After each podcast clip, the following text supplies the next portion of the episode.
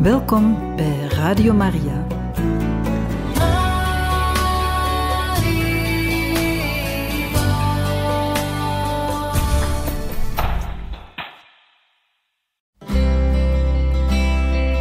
Welkom bij Boekat, een programma van Radio Maria.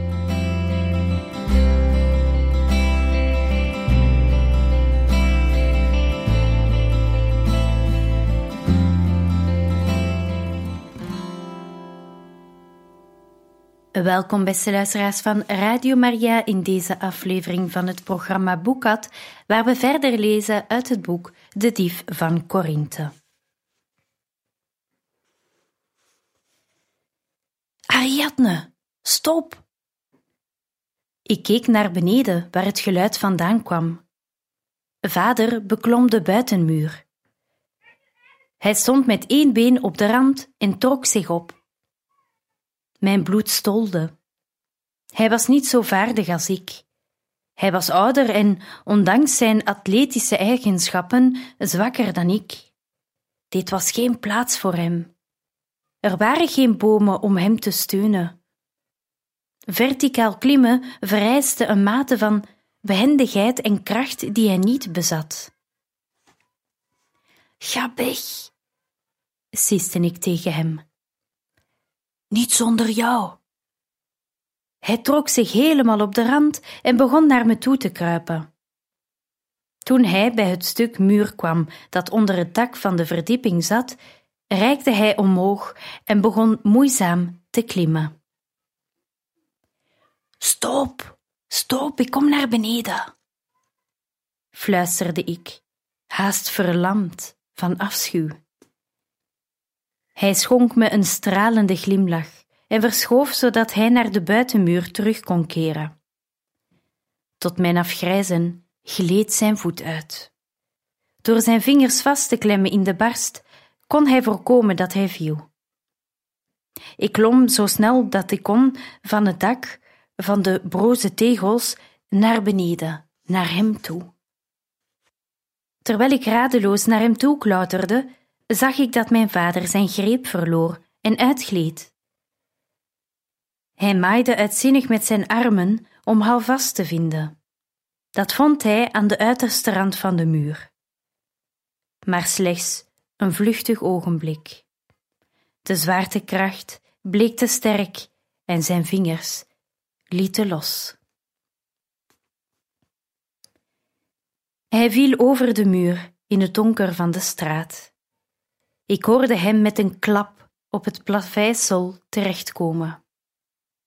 Daarna een gesmoorde kreet van pijn, gevolgd door stilte. Mijn maag kwam omhoog. Ik werd gek van angst. Het schalde in mijn oren. Hoe het lukte om van het dak af te komen, langs de ene muur naar beneden te klauteren, over de richel te kruipen en me over de buitenmuur te zwaaien, kan ik niet zeggen. Uit mijn ooghoek zag ik de slaaf in beweging komen, rechtop gaan zitten en om zich heen kijken op het ogenblik dat ik me over de muur hees en de klim naar beneden begon. Ik hoorde de man schreeuwen. De tijd was mijn vijand geworden. Ik gooide me naast vader op mijn knieën en zag tot mijn opluchting dat hij bewoog. Mijn benen, zei hij kermend. Zelfs in het donker zag ik de onnatuurlijke hoek van zijn kuit, die naar één kant was gewrongen. Het bot was in tweeën gebroken, maar de huid was nog intact. Ik wendde me af en braakte. Ik hoorde de slaaf binnen aan de grendel trekken en het hek aan de voorkant openen. God in de hemel, help ons. Die woorden van wanhoop en angst, kort als ze waren, waren mijn eerste oprechte gebed tot God. Ze kwamen uit mijn tenen. Ik greep vader onder zijn oksels en trok hem overeind. De kreet die hij slaakte, deed mijn nekharen overeind staan. Het was de schreeuw van een gewond dier. Ik sloeg mijn arm om hem heen en begon naar de aangrenzende villa te lopen. Grato's deur werd opengetrokken en haastig sleepte ik mijn vader voort. We waren nog in de open straat en dat was veel te gevaarlijk. Net toen de slaaf de straat instapte, trok ik vader binnen de ingang van de buurvilla en verstopte ons achter de uitstekende rand van de poterne. Vader lag, amper bij bewustzijn, tegen me aangezakt. Grato's slaaf liep een paar stappen de straat in en hield een brandende lantaarn boven zijn hoofd. Wie is daar? wilde hij weten. Hij kon vader en mij niet zien. We zaten verstopt in het donker achter de hekpaal. Grato's slaaf gaf het al spoedig op en keerde terug naar de deur. Hij plaatste de lamp in een kleine nis die voor dat doel in het uitvalsdeurtje van het huis was uitgespaard. Het licht was bedoeld om indringers te ontmoedigen. Maar hij had geen moeite hoeven doen, ik was klaar met binnendringen. De slaaf ging weer naar binnen en ik hoorde de grendel voor de deur schuiven. Kunt u lopen? fluisterde ik tegen vader. Hij antwoordde met een diep gekreun. Dat vatte ik op als een bevestiging en ik sleepte hem een paar stappen. Hij probeerde mee te hinken en onderdrukte zijn kreten van pijn. Binnen enkele ogenblikken was ik nat van het zweet. Mijn hart bonsde als een holle drum. Het begon met de dagen dat het geen zin had om hem op deze manier te slepen. Straks stortte hij in van de pijn die ik hem bezorgde. Ik stond stil, kromde mijn rug en hees mijn vader over mijn schouders, kermend onder zijn gewicht. Hij mompelde een protest. Zonder acht op hem te slaan, verplaatste ik zijn gewicht en zette me wankelend in beweging. Om de paar stappen stond ik stil om uit te rusten en hem te verschuiven. Soms had ik hem over mijn ene schouder en dan weer over de andere. God, als u ruimte in uw hart hebt voor dieven, help ons dan vannacht, zei ik. Ik voelde me hopeloos. Ik wist dat ik niet de kracht had om vader helemaal naar huis te dragen. Een paar wankelende stappen was één ding, maar een heel uur snel doorlopen ging mijn krachten te boven. In mijn hoofd paste ik de route aan van de omweg die ik aanvankelijk had bedacht tot de meest rechtstreekste weg. Dat maakte de afstand aanzienlijk korter, maar nog steeds niet te doen. In het tempo waarin ik voorstompelde, hadden we twee of drie uur nodig om thuis te komen. Dat zou mijn lichaam nooit volhouden. In mijn hoofd hoorde ik de woorden van Paulus. De liefde geeft nooit op, verliest nooit het geloof. De liefde is altijd hoopvol. De liefde verdraagt alle omstandigheden. Ik hees vader weer over mijn schouder en half gebogen als een verschrompeld oud besje strompelde ik voort. Dit was liefde. Liefde die nooit opgaf. Liefde die de hoop niet verloor. Liefde die zelfs deze onmogelijke last zou dragen. Met één stap tegelijk dwong ik mijn voeten vooruit. Na een half uur bloedden mijn gebarste lippen. Mijn keel was uitgedroogd. Pijn schoot door mijn rug en mijn schouders. Nek en maag waren verkrampt van ellende. Er was geen stukje van me dat niet verging van de pijn. Maar ik klampte me vast aan Paulus' woorden. God van de liefde, geef me de kracht fluisterde ik. Ik huilde van uitputting en pijn tegen de tijd dat we thuis kwamen. De zon zou al gauw opkomen. Ik legde vader voorzichtig in het zachte gras. Ik opende de zijdeur, droeg hem de laatste paar passen en legde hem op de tegelvloer. Tegen die tijd had hij al lang het bewustzijn verloren. Dionysius. Ik probeerde de naam van mijn broer te schreeuwen. Er kwam alleen maar gekraak uit mijn keel. Iemand hoorde dat zielige gejammer en ging hem halen. Heer, wees genadig, riep hij uit. Wat is er gebeurd? Haal een dokter, zei ik, en toen viel ik flauw op de grond. Ik werd wakker van een griezelig gegil. Ik schoot overeind en kromp in elkaar. Mijn hele lichaam was één massa van kronkelende pijn. Mijn pijnlijke spieren zaten op slot, mijn hoofd bonsde. Een zachte hand duwde me terug op bed. Niet proberen op te staan. Justus? Hij zat in een stoel aan mijn rechterkant en dat verklaarde waarom ik hem niet had gezien. Ik kon mijn hoofd niet zo ver draaien. Het griezelige gegil beukte weer tegen mijn schedel. Wat is dat? Justus aarzelde. Langzaam kwam mijn geheugen terug. Mijn vader? De dokter probeert zijn bot te zetten. Het is een slechte breuk.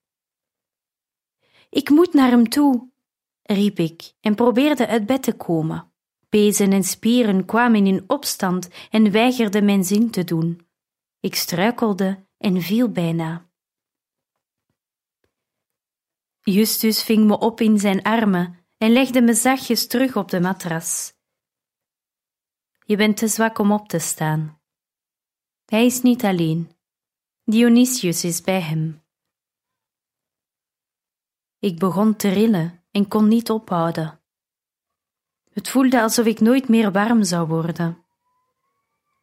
Justus schonk warme kruidenwijn in een bokaal en reikte me hem aan. Drink dit. Mijn maag kwam in opstand. Ik schudde mijn hoofd. Justus ging op de rand van het bed zitten. De matras zakte onder zijn gewicht toen hij naast mij plaatsnam. Door het dunne laken voelde ik de bewegingen van zijn spieren toen hij de bokaal aan mijn mond zette. Drink. De dokter heeft een tinctuur aan de wijn toegevoegd die je zal helpen. Ik nam een slok om hem zijn zin te geven. Meer, zei hij, en hij duwde het glas tegen mijn lippen. Ik wendde mijn hoofd af. Altijd koppig. Hij legde een hand onder mijn hoofd en tilde het een eindje op. Zelfs die kleine beweging maakte dat ik in elkaar kromp. Je hebt het nodig. Het helpt tegen de pijn. Drink nu. Ik dronk een paar slokken en trok een gezicht. Smaak naar geitenspuug. Hou op met klagen en luister. Waarnaar? Ik hoor niets. Precies, het schreeuwen is opgehouden. Ik duwde het laken van me af en probeerde weer overeind te komen. Ik moet uitzoeken wat er gebeurd is. Justus legde zijn hand op mijn schouder en duwde. Ik viel terug op het kussen. Je moet in bed blijven. Als ik erop kon vertrouwen dat je verstandig was, zou ik gaan vragen hoe je vader eraan toe is. Alsjeblieft. Ik kon de stroom van tranen niet tegenhouden. Ze liepen over mijn wangen en rolden van mijn kin op zijn hand. Neem me alsjeblieft mee, Justus. Hij trok een strak gezicht. Een ogenblik staarde hij me aan. Hou daarmee op, commandeerde hij.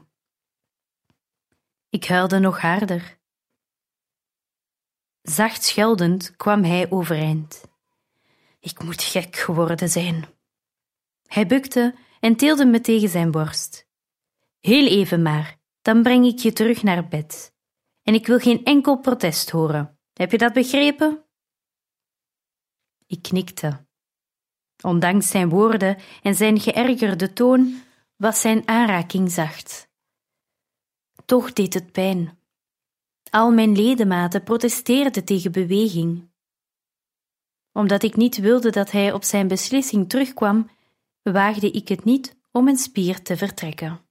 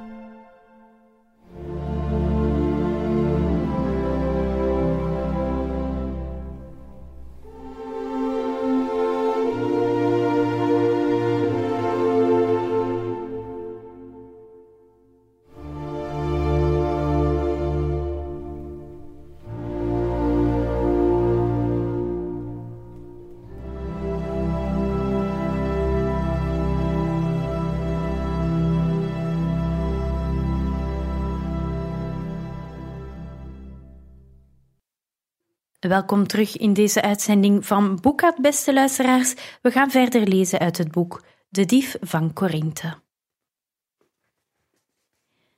Waarom zou hij stil zijn, denk je? vroeg ik. Mijn stem bibberde van afgrijzen. Waarschijnlijk slaapt hij, zoals jij ook zou moeten doen. Bij vaders deur stond Justus stil om onze aanwezigheid aan te kondigen bij Dionysius. En pas nadat mijn broer ons binnennoodde, wees hij me omhoog om de deur open te doen. In het halfdonker van het slaapvertrek zag ik vader, bleek en bewusteloos, uitgestrekt op bed liggen. Zijn gebroken been zat van de zool van de voet tot de knie dik in het verband. Vader, fluisterde ik met gebroken stem. Dionysius stond op uit de enige comfortabele stoel in de kamer. Zet haar hier neer. Justus plaatste me op de stoel. Verscheurd door schuldgevoel staarde ik naar vaders doodsbleke gezicht. Galatea bette zijn voorhoofd en ene voet met rozenwater. Met trillende vingers streek ze de doek over zijn huid. Ze leek in de loop van een paar uur tijd ouder geworden. Ik vroeg me af waardoor die verdwaasde blik op haar gezicht was veroorzaakt, wat ze gezien had. Ik besefte dat mijn eigen bewusteloosheid van de afgelopen uren misschien wel een zegen was geweest. De kamer was in stilte gehuld, maar vaders gegil van pijn klonk nog in mijn oren. Dat gekrijs zou ik nooit vergeten, en ik zou mezelf ook nooit vergeven dat ik er de oorzaak van was. De dokter ruimde de paraphernalia van zijn kunsten op, die uitgespreid waren op een vierkante tafel naast vaders bed.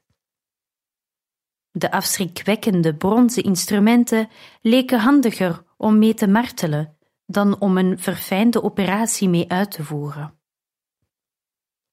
Een paar instrumenten waren rood van het bloed. Ik slikte, want als ik ging overgeven, zou Justus me afvoeren voordat ik de kans kreeg om mezelf van vaders toestand te vergewissen. Hoe gaat het met hem? probeerde ik met vaste stem en zogenaamd evenwichtig te zeggen. De arts keerde zich naar me toe. Hij had een mooi bos wit haar en keurig bijgeknipte wenkbrauwen. Zijn fijne tunica met purperen verfraaiingen was bevlekt met bloed. Sommige artsen hebben een kruiperige houding aan een ziekbed, omdat ze graag een goede indruk willen maken. Anderen zijn aardig, charmant zelfs. En er zijn er die om niemands mening iets geven, behalve die van henzelf. Deze man behoorde duidelijk tot de derde categorie. Je hoort in je bed te liggen, zei hij kortaf. Dat zei ik ook, beaamde Justus. Ik zal meteen teruggaan als u mijn vraag wilt beantwoorden. Hij draaide zich weer om naar zijn instrumenten en reinigde ze in een kom met water en wijn. Het is een gevaarlijke breuk. De makkelijkst te behandelen breuk is die zich voordoet in het midden van het bot. Een schone breuk. Zo. Hij trok een lijn in de lucht om het te demonstreren. Je vaders bot is aan de bovenkant gebroken, dicht bij het gewricht waardoor hij pijnlijker is en moeilijker te behandelen. En wat nog erger is, de randen zijn versplinterd. Hij trok een kartelige lijn in de lucht. We hebben de spieren en pezen van het been zodanig uitgerekt dat ik de fragmenten op de juiste plaats kon zetten. In het beste geval blijft het been korter. Over drie dagen weten we of het been gered kan worden. Met zo'n breuk zal waarschijnlijk gangreen volgen. De kamer kantelde. Ik voelde het bloed uit mijn gezicht wegtrekken. Ik boog me voorover en zette mijn handen op mijn bovenbenen. Wat gebeurt er als u het niet kunt redden?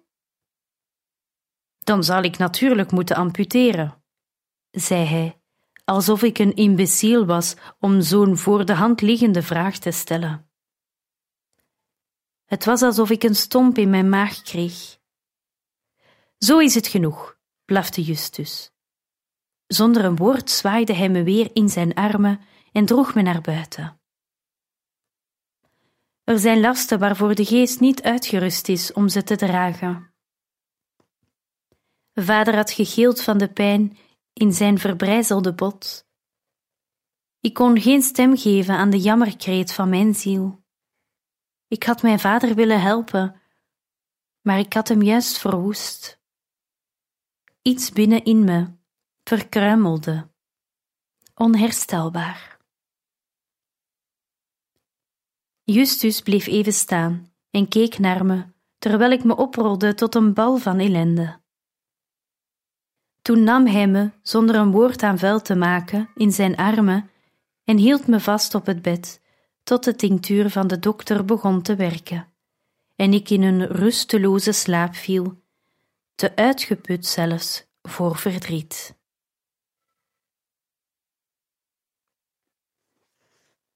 Hoofdstuk 24 Toen ik wakker werd, zat Delia naast me de wacht te houden. Mijn hoofd hamerde. Delia, zei ik krakend. Ze keek met een ruk op. Hoe gaat het met mijn vader? Net als de vorige keer dat je het vroeg, hij slaapt. En met zijn been? Te vroeg om iets van te zeggen. Ze legde haar handwerk opzij en kwam naast mijn bed staan. Ik zal warme groentesoep en brood voor je halen. Eerst moet je dit opdrinken. Ze hield me een beker bronwater voor, die ik gretig leegdronk.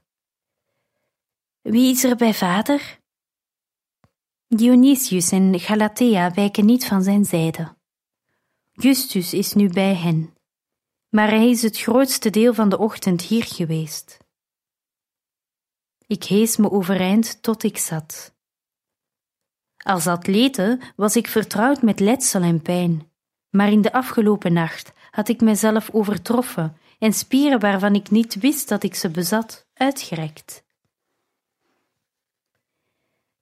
tandend zwaaide ik mijn benen over de rand van het bed. Voordat Delia mijn kamer kon verlaten, riep ik haar. Weet je waar Theo is? vroeg ik toonloos. Ze bleef zwijgen. Ik wil niet dat je zijn vertrouwen beschaamt. Ik vraag je alleen hem te vertellen over vader. Hij moet het weten. Het is aan hem of hij komt of niet, maar hij zou willen weten dat mijn vader gevaarlijk gewond is. Delia knikte kort en ging weg. Mijn hoofd was aanzienlijk opgehelderd sinds de vorige keer dat ik wakker was geworden met Justus als verpleger. Mijn hoofd was vol vragen. Waarom had niemand gevraagd naar de gebeurtenissen van de vorige avond? Ik had midden in de nacht de ernstig gewonde heer des huizes naar huis gezult en was voor de voeten van mijn broer flauw gevallen. Iedereen moest wel barsten van nieuwsgierigheid. Ik vond het opmerkelijk dat niemand me had gevraagd wat er had plaatsgevonden. Hoe ik ook mijn best deed, ik kon dit mysterie niet wegredeneren. Ik hees me overeind. Door een stoel vast te houden, ontdekte ik dat ik kon staan. Gebogen, in elk geval. Ik hobbelde als een bejaarde soldaat die gewond is geraakt in te veel veldslagen. Ik had nog steeds Theo's kleren aan. Het kostte buitensporig veel tijd om ze uit te trekken met spieren die bij de geringste activiteit verkrampten en dienst weigerden. Delia had een kan met water op de wasbak laten staan. Het moest heet zijn geweest toen ze het haalde, maar het was inmiddels lauw. Rillend waste ik me vluchtig en trok een schone tunica aan. Een tunica over mijn hoofd trekken was één ding, bukken om de riempjes van een sandaal vast te maken, ging te ver. Ik liep op blote voeten naar vaders kamer. Justus en Dionysius zaten zachtjes te praten. Galatea leek aan vader vastgeplakt.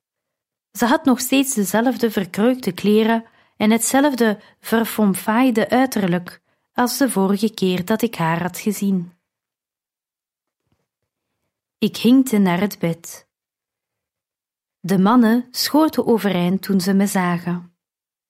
Ik wuifde kalmerend, in de hoop dat ze me niet zouden oppakken en in bed stoppen. Ik probeerde onaangedaan te kijken toen ik aan vaders verband snuffelde. Tot mijn opluchting rook het schoon. Als zijn vlees ging rotten, kon geen enkele dokter meer iets doen. Ze zouden het been moeten amputeren om zijn leven te redden. En zelfs dat was geen garantie voor een volledig herstel. Vader kon de rest van zijn leven mank blijven. Hij kon chronische pijn lijden die niet verholpen kon worden. Hij kon sterven. Door mij. Ik keerde me naar de mannen. Het had geen zin om het onvermijdelijke uit te stellen. Beter kon ik deze gifbeker snel leegdrinken. Dit is mijn schuld. Mijn stem klonk net zo houterig als ik me voelde. Ik heb hem dit aangedaan. Natuurlijk is het jouw schuld niet, stelde Dionysius me gerust. Vader zei al dat je dat zou zeggen. Heeft hij tegen jullie gesproken? Dat was een onverwachte wending. Ik wreef over mijn ogen. Wanneer? Nadat je was flauwgevallen. Justus was er al. Vader stuurde alle anderen naar buiten en vertelde aan ons tweeën wat er was gebeurd. Ik werd opgenomen in een wervelwind. Mijn maag kwam omhoog. Jullie lijken er nogal rustig onder, zei ik. Mijn broer opende een hand in een filosofisch gebaar. Leerden ze dat bij de lessen in retorica, die kalme, onverstoorbare houding in het zicht van het ernstig verraad? In dat geval wilde ik dat ik ook zulk onderricht kon krijgen. Hij had me zijn woord gegeven en ik had gehoopt dat hij zich eraan zou houden. Maar ik veronderstel dat onder de omstandigheden de druk te groot bleek en hij bezweken is. Bij de paard van Zeus, Dionysius, wat klets je? Mijn broer stopte midden in een zin, stuurde Galatea weg, sloot het raam en vergrendelde de deur van vaders kamer, voordat hij nog een woord zei.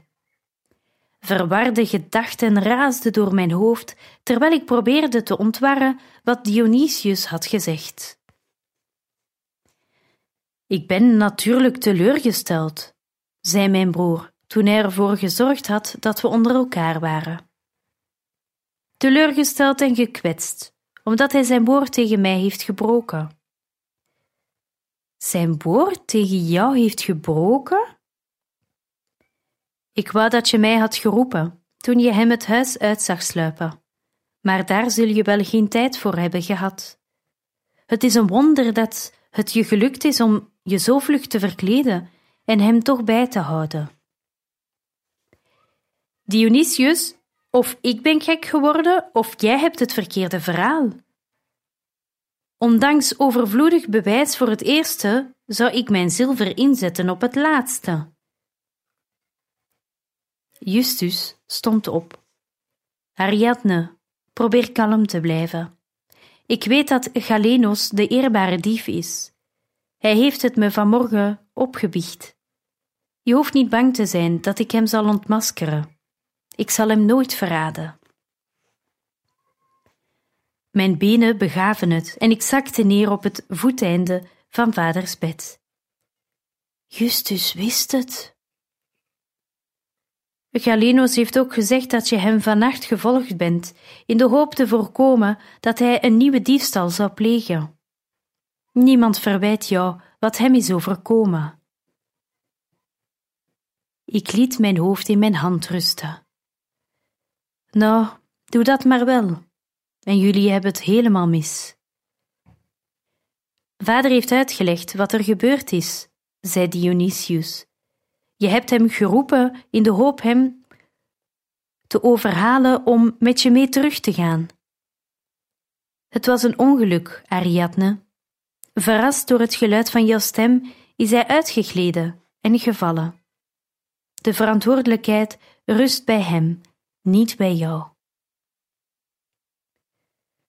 Justus kwam dichterbij en nam mijn hand in de zijne. Zijn greep was zacht en eerbiedig. Galenos zei dat je hem twee uur lang hebt gedragen. Hij schudde ongelovig zijn hoofd. Ik kan niet begrijpen waar je de kracht vandaan hebt gehaald om zo'n prestatie te leveren. Maar nooit heb ik van een moedigere daad gehoord. Ik stikte haast in een hysterische lach. Vaders verhaal was voortreffelijk. Er zaten genoeg sporen van de waarheid in om het geloofwaardig te maken. Ik kreeg gratie. Ik werd verlost. Ik kon me verstoppen onder vaders leugens. Ik kon me blijvend verzekeren van Justus' groeiende bewondering, die eerbiedige blik in zijn ogen opeisen als mijn goed recht. Langzaam draaide ik mijn hoofd en nam de witte gestalte op het bed op. Mijn hart liep over van liefde. Liefde en pijn. Hij had genoeg voor me opgeofferd.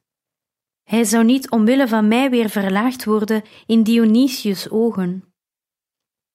Het werd tijd dat ik mijn eigen schulden afloste.